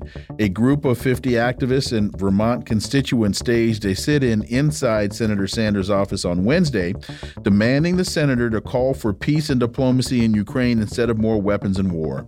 The sit in resulted in the arrest of 11 activists, including an 89 year old Code Pink activist. For insight into this, let's turn to our second panel. It's Friday, so we're going to go to the second panel. We're joined by the host of AM Wake Up and Slow News Day. Uh, watch live on Rokfin and Rumble and listen anywhere podcasts are served. Steve Poikonen, as always, Steve, welcome back. Thank you very much. Happy Friday. We're also joined by an independent journalist whose work can be found at Substack and thepolemicist.net, Dr. Jim Kavanagh. Jim, as always, welcome back. Always a pleasure to be here. So the group was joined by Green Party presidential candidate Dr. Cornel West in the Senate lobby for a prayer vigil before the sit-in. The vigil and sit-in were part of a week of action that included an anti-war rally Tuesday night featuring Dr. West and Claudia uh, De La Cruz, a number of other folks from Medea Benjamin from Code Pink, Eugene Puryear. Your thoughts, uh, Steve Poikonen, one would not have thought, unless the sit in got violent, that Bernie would turn to arresting people for protesting what we all thought he stood for. I mean, unless you were reading the newspaper in 2007, where you saw that he had anti-war demonstrators that were in front of his uh, in front of his house arrested, or you had been following his career from the beginning, where his relationship with the military industrial complex, specifically in relation to the, the production of the F 35, is from day one part and parcel of who he is. Uh, Bernie Sanders has done a fantastic job uh, of marketing himself as anti war on the basis that he was one of the few people in 2001 who initially said no to the Iraq war. What everybody else forgets is that not only did he vote yay on every subsequent use of military force and uh, troop support spending bill, um, but he has been uh, he's been one of the DNC's leading sheepdogs for nearly two decades. He signed an agreement with uh, the DNC and at the time the DLC when he became a Congress critter back in 92 that he would always back the Democrats as long as he was able to run as an independent in Vermont unchallenged by the Democratic Party. That relationship has been successful, prosperous, led to uh, a, a what $240 million fundraising campaign between a couple of different presidential elections, but people are, are finally starting to get acquainted with what Chris Hedges and a number of other people have been talking about for uh, at least a decade now. Dr. Jim Kavanagh. Yeah, well, it's true. I, I always was uh, surprised to see that Bernie Sanders was one of the largest recipients of defense defense industry uh, contributions in uh, I don't know when it was, uh, 2006 or something or whatever. He's been, you know, he, he's played a game. Uh, look, I think he's had he's what I call what we call a, a, social imperialist in a certain sense. He has good standard social democratic line, and he's sincere about that, and he's a socialist in that sense. But he's been willing to uh, stand down, if not uh, support. American imperialist actions around the world. His, his position on Venezuela and on Latin America has been bad. You know, but I did want to say this. One of the people I see in this article who was involved in this demonstration was Crystal Zevon, an artist and code pink activist from Bar- Barnet, Vermont. And the former wife of Warren Zevon, a great, uh, one of the great, uh, whose albums I really recommend. So Bernie Sanders is a, uh, needs some lawyers, guns, and money, and he's an excitable boy down there in Washington that is getting uh, criticized and and uh, protested by some good people at Code Pink. And and Warren Zevon made one of my favorite songs, "Werewolves, Werewolves in London." Oh, Werewolves of London. We got "Excitable Boy." We got "Lawyers, Guns, and Money." Great album if you listen to the lyrics of Excitable Boy, that actually does describe the vast majority of, of uh, Congress critters and their aides and everybody else involved in that circus. Well, let me say this. Let me ask you about this. Throw this about you, Steve. And, and it's like kind of one of these old things. It's kind of like if I'm making a bargain with you, it's easy for me to promise you anything you ask for if I have no intention of going through with the bargain, right? With Bernie, in a way, it almost seems like it's easy for Bernie to be the person in the Democrats, well, even though he's not technically a Democrat, to say, we want this, we should have this, we need that, we should fight for this. If he knows, and the Democratic Party's like, well, we know we're never going to get it, but we need somebody to cheerlead it so we can at least have the illusion that there's a left flank in our party. Hey, Bernie, we want you to go over there and scream for all the stuff that you know we'll never give you, and then vote for us for this next war. He's a sheepdog. He's a he's a bell cow. He's Marlboro man that ran that wrangles the cattle. Steve, we we've said it on the show before. I mean, and if you're you're out in the streets, you know that Bernie's hip hop name is Sheep Doggy Dog. They give him the script. He goes out there. He does a great show. Does uh, you know two sets, a double encore, uh, and you know if you need him to, he'll come right back out for a Sunday matinee and do the exact same thing and bring disco preacher Nina Turner with him to do it. it it's a perpetual uh, operation that just it, it's insidious because it does take people who recognize that there's a need for change and want to believe that there's people working within the system on their behalf or at least fighting for them. And it takes that hope and it bottles it up and it turns it into hubris and it allows for illegal war after illegal war and it allows for collapsing infrastructure and exploding surveillance state all in the name of, well, hey, maybe this time he means it and somebody's actually going to go try. James, do you want to comment on that or? No, the same thing. You know, I said in 2000, first thing Bernie did in 2016 when he won the, that first primary in Detroit, the first thing he said was, don't forget, we're going to have to support the Democrat, whoever it is. and that's always been his position. And that's what we got. Politico reports RFK Jr. Super PAC preps him to run as an independent. Really interesting. As I said, there's a lot of things I like about RFK Jr., and there's stuff that I don't like. One of the things I didn't like, and I thought was silly, I understand him running as a Democrat, but you know they're going to rob him. There's no question they're going to rob him. But man, I don't know what to make of this. Anyway, let's start with you, Jim. Jim, RFK Jr. running as an independent. You know, uh, I'm. Uh, uh, I guess I have to give up on my idea that there's some little thing he's got going, and uh, some hope he could get the Democratic Party nomination. I thought that that is there was a possibility. Uh, I don't. It, it's going to be tough for him. I give him credit for doing it. You know, he's got a super PAC. He's got money behind him, but it's going to be very tough to get on ballots. Uh, I don't know what he's going to do about it. He's going to be a spoiler, which is fine by me. he's spoiler not just for the Democrats, but for the two-party system. He's his polls, and I think it's not unlikely to be true that he's taken more votes from from Trump voters than from from Trump than from Biden. Uh, Biden's not going to be the nominee anyway, but. Uh, so it's going to be interesting to see. I think this is the most explosive thing and the most radical thing that's been done to completely upend the two-party system if it happens. And I'd like to see it happen. I'd like to see him put the Democrats to uh, blow up the Democratic Party. I, I don't quite understand how it's going to work, but let's see what happens. Steve. Um, yeah, well, Jim identified the major problem in all of this, and that's ballot access. And thus far, we haven't heard anything from RFK Jr. Uh, about that, it, even when he was supposedly running as a Democrat.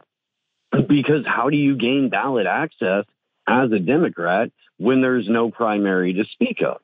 So I mean that in and of itself raised, uh, but it's it's fantastic that it's happening. In terms of it's been what since 1996 since we had a legitimate third party candidate with Ross Perot got Two, 92. What? That was 92. 92. That's yeah. right. That's right. It was 92. Ross Perot, well, he got what 17% of the vote or think it was something like that. I, mean, I know Bill Clinton only won with like under 40% of the vote. He got 19% of the vote and he dropped out two weeks before the election. So, I mean, so it'll definitely be the first time in the 21st century where a third party candidate has been able to challenge the duopoly in, any meaningful way. So I, I got, hopefully it serves an example that it can be done. Maybe it can only be done if you're a Kennedy, but you would imagine somebody else is going to try. I guess Cornel West is going to try now too. You know, it's funny, Wilmer, about that. What's interesting is the Democrats are saying he's going to steal all of our votes and he's going to give it. He's he's going to give it to Trump, and the Republicans are saying, and no, he's going to steal more votes to Trump. he's going to give it to the Democrats. Well, to your point, because this this uh, MSN article says that the the survey found that what's notable is that Kennedy, as an independent, pulls more support from Trump than Biden.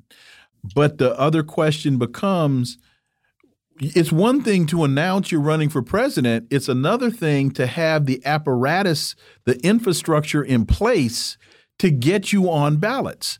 That's one of the reasons why uh, Dr. West left the People's Party and went over to the Green Party was because I think the People's Party would only grant him access in two or three states, whereas the Green Party, last time they ran a candidate, got them in 47 states.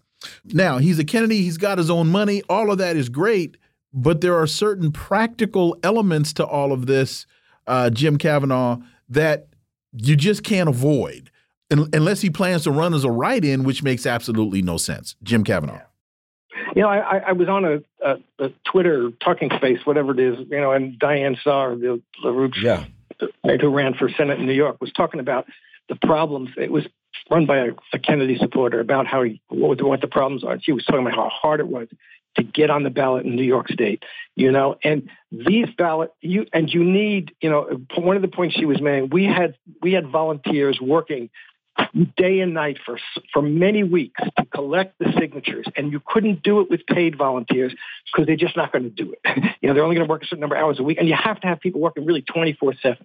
So he's got to set up an apparatus in fifty states that are going to get that's going to get him on the ballot, all with all different requirements 10,000, 30,000, 60,000 signatures, you know, that have to be verified with a certain amount within a certain amount of time. It's a very, very tough thing. And uh, again, he's got not only his own personal money, it's not his, you know, he's got a super PAC, which is by this guy, uh, John Lyons, who's got money. And so he's going to have, he's got some money behind him. He'll get money behind him. But it requires an apparatus, as you say, of real dedicated workers all around the country that are going to be pushing. That has to be done in a couple of months, you know, in a few months. So uh, it's good luck. you know, I'd like to see what's going to what's going to happen here. So, but the point, if, even if he gets on, if he gets on in forty states, that'd be great. And and Steve, I guess the, the the big question is, will he run in the Green Party? And could we see a Cornel West? Robert Kennedy or Robert Kennedy Cornel West ticket? Well, Cornel West just announced that he's no longer running with the Green Party. Like, you know, last yesterday afternoon or something. Like, he has a fully independent uh, political movement that he he wants to start. He is split ways with the Greens, so there is a vacancy. No. Uh, now, it's it's West's third party that he's running under in the last six months, but so that doesn't look great in terms of consistency for a campaign. Um, but there is there's an opening in the Green Party right now. I don't know why they would try to go for Howie Hawkins again.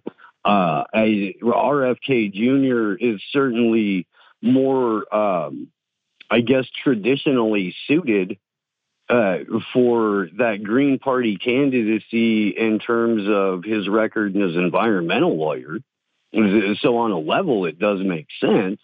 Um, but yeah, I it it would I, will tell you what he does he has a super pac he's a lawyer he's got an army of lawyers that he can call upon and an army of paralegals that he can call upon to try to get him on the ballot in as many states as possible but we're talking about this it like there's uh like there's going to be you know, equal media time, equal opportunity for him to have a voice on a major candidate debate stage and stuff like that, which remains to be seen at this point and traditionally has not been allowed.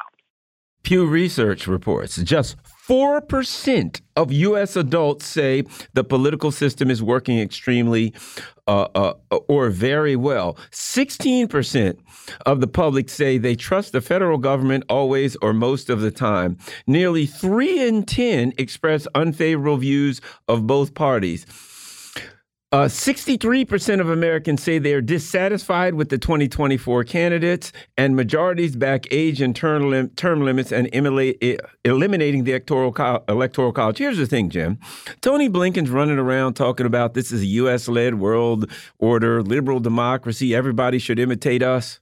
It ain't working so well for us. He hasn't convinced the American people. It's people like Tony Blinken who are giving us the results of this latest, latest, latest um, uh, public poll. At any rate, your thoughts on uh, what we can learn about the U.S. empire from these poll results, Jim Kavanagh.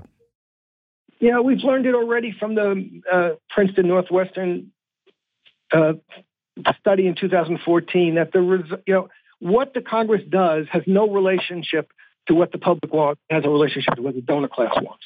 That's that's the answer. And you know, it's amazing to see this because you see, uh, you know, as twenty-nine percent of people now, uh, or twenty-eight, have an unfavorable position of both parties. That was six percent in 1994. So that's enormous. That's gone up enormously. You've got people. I forget. I forget the, the, the not only I think the majority of people are angry about the situation. Like 55% are angry about the situation, and rightfully so. I mean, the political system is doing, is clearly not in the service of the people.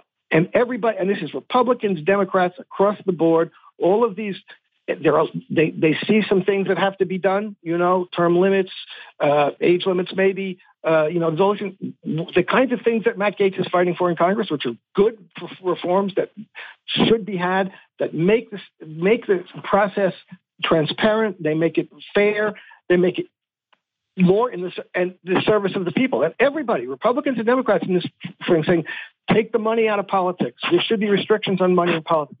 The whole political system the campaign finance system, the, the method of choosing uh, uh, uh, candidates, the method of voting. You need ranked choice voting. All of these things need to happen to have democracy, to have even formal democracy, where people, that is, a, a system in which formal electoral democracy.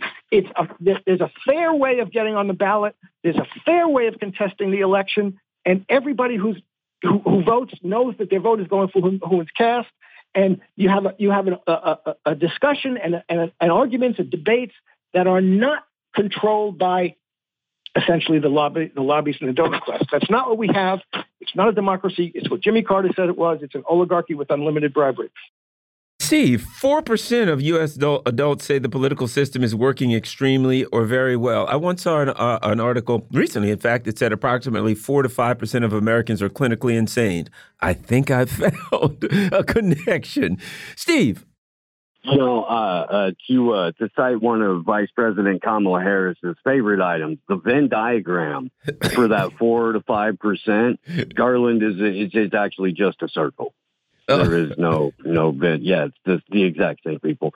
Uh, it's still the largest block of voting eligible U.S. citizens are people who do not participate in the political voting process whatsoever. The, the next largest identifiable block of voting age U.S. adults are people who identify as independents.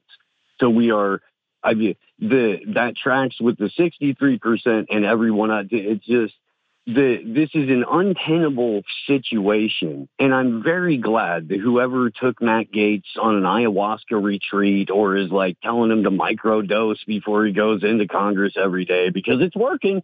It is. It's working. He's talking about you know the national security uh, clearance system now and trying to reform that or modify it because of how heavily abused it is, and it has been historically, and how it proliferates the existence of a permanent unelected bureaucracy. Um, so we're whether or not it's a dog and pony show, uh, it you know, ultimately remains to be seen. But we are having the right kinds of conversations about this uh, illegal, unconstitutional oligarchy that we live in, and that is purely positive. Jim, I'm glad that Steve started his answer with the points he did about uh, the largest contingent of eligible voters don't vote, because that was the next place that I was going to go. And I think Garland can validate that I've been saying for the last, shoot, I don't know, year that the biggest problem in this upcoming election is going to be disaffected voters who stay home.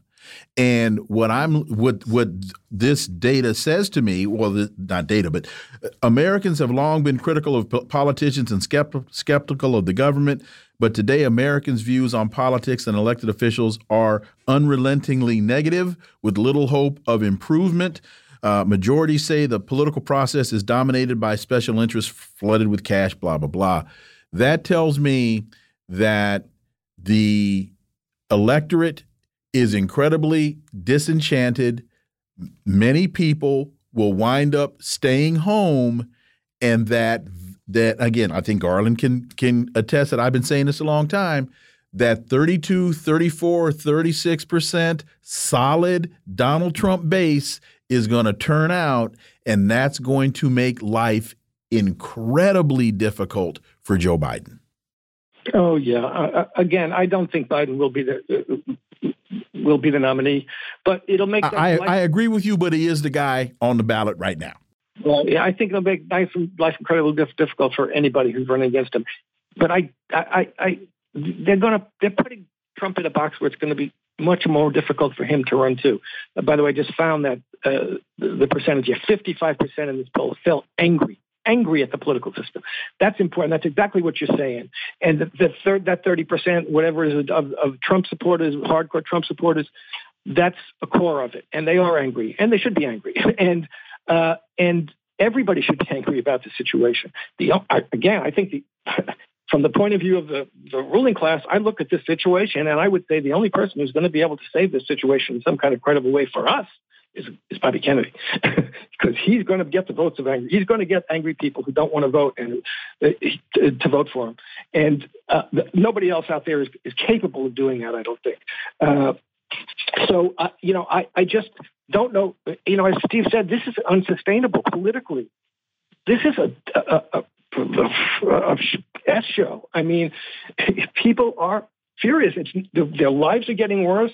Story we're going to do about the housing costs, you know, food costs, uh, medical medical debt, medical costs. The fact that 60, 70,000 people a, year medical bankruptcy, that's outrageous. Bernie Sanders, who used to be for Medicare for all and still is in his heart, but never says a word about it because the Democratic Party doesn't want him to. You know, all of this is infuriating. Hang on, Jim. Data point that we talked about earlier in the show. Fox News reported yesterday housing in America is unaffordable for 99% of middle class Americans. That that's a that's a right. that's a data point to support what you've just. Yeah, that's an article we got. I have a friend who just bought a house recently. They bought this house nine hundred thousand.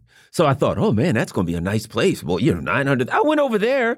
Don't get me wrong. It was a decent place, but I didn't think anything like that. I was like, 900,000 for that? Uh, not that it was a junker. I'm just saying. Right. You know, it I expected some palatial estate here, for God's sake. Let's go with you, Steve. 99% of the people in America, well, you're in California, you know, you drive around and pretty much all you see is uh, RVs and old boats that people are sleeping in. And burn up houses. Yeah, how about that? Uh, Steve. I no, it, it it's insane here. It's and it's insane here on purpose. Uh, there, we're we're in the middle of a what you know a lot of people have referred to as a great reset. In fact, the guy in charge of the World Economic Forum wrote a book about it called that. uh, and one of those, there's the, all of this, all of the political stuff that we're talking about is, happening in tandem with this huge push for 15 minute cities, this huge uh, uh, overarching ideology that we will own nothing and be happy. Everything we have will be rented. And even though we can't afford rent, that's okay because homeownership is going to be something that is uh, becomes like wagyu beef or or organic beef in the first place, and it's for a handful of people who have demonstrated they can be responsible with it. And by responsible, I mean have enough money to afford it. Jim, and here's the other thing. Uh, all right, uh, uh, somebody else I know just bought a new, a brand new Honda Pilot. It was like fifty-three thousand dollars for a Honda. This was not a Lexus or this or a Mercedes, a Honda Pilot. People just can't afford the normal. You know the discussion of people work in a factory and they can afford to buy the things that they make in the factory. Well, we closed the factories for starters. Anyway, Jim. Yeah, that's exactly right. Henry Ford victim. I want my workers to be able to afford buy buy a car. Uh, you know, and look, when I grew up, that was a situation of upward mobility. And the idea was we are going to provide, you know, the American and the Western capitalist system is going to provide more goods and services for you. We're going to have a welfare state that's going to grow and take care of more things for you. And that was true as long as the Soviet Union was there. As long as Europe had a, a, a, strong welfare state, a strong social democratic state. Once the Soviet Union disappeared, all those incentives that were supposed to be good about capitalism. Oh, we're going to make life better for you every day and every, every year. It's going to get better and better. We're going to have more and more services. Oh, we can't do that. And suddenly it's austerity. Only that, now we're losing, can't even have free speech. so, you know, uh, it, so you have a, a system of downward mobility in the United States. I grew up in an apartment in New York City. I was one of seven kids. Uh, my my mother and father got that apartment way back in the day, and it was rent controlled, and we lived there. I, I couldn't imagine ever having the money to have a seven room apartment in New York City on Riverside Drive. You know, my niece just got an apartment, a small one bedroom apartment, four thousand dollars a month. Woo! So that's that's that's what you pay. So people don't believe this stuff. I saw t- tweets on the other day. Someone was saying, "I pay twenty six hundred dollars a month for health insurance." Guys, I don't believe you. Yes, you do. New York City, you pay a private health insurance where if you're not getting it from from an institution or something, you're paying over two thousand dollars a month. This is un- unsustainable. And, and that's with, plus you get ten, fifteen thousand dollars worth of copays, deductibles. This is unsustainable. And, uh, you know, it's, it's, it's downward mobility. It's increasing austerity for everybody except the top tenth of a percent. And Steve, it's not as though there aren't workable alternatives out there. It's not as though, for example, China isn't perfect, but when you look at their economy, when you look at they pulled a hundred million people out of abject poverty over a span of what about 20, 20 years? We have labeled them our enemy. But when you look at their economy when you look at their technological advancements when you look at the quality of their education we can pick a characteristic. And it's not as though we can't look at other places whether it's Norway, whether it's Denmark, if you're talking about healthcare, we can find viable options, but those are all vilified because it's not us. We got a minute and a half. It, it appears to me that the only viable options that are ever presented are the ones that come with comply with everything the government says and does and let them uh, in every aspect of your life, or you'll rot in a box. So I, I would offer that there are even better alternatives that, that don't get as much. However, uh, the oligarchy is untenable. It always results in a civilian or peasant uprising, and how that gets directed, where it goes, and to uh, which doorsteps the torches and pitch, pitchforks are applied to uh, remains to be seen currently. Although at the rate we're going, we're fomenting not just uh, what looks like the civil war in the U.S., but war with all of our neighbors everywhere until mm-hmm. we can get everyone on digital currency. Steve Poikonen and Dr. Jim Kavanagh. Gentlemen, as always, thank you so much for your time. We greatly, greatly appreciate that analysis. Have wonderful weekends, and we look forward to having you guys back. Thank you. Thank you. Folks, you've been listening to the Critical Hour here on Radio Sputnik. Thank you for allowing our voices into your space. On behalf of myself and my co host, Garland Nixon, we hope you were informed and enlightened, and we look forward to talking with you all right here next week on Radio Sputnik. Be safe. Peace and blessings. We're out.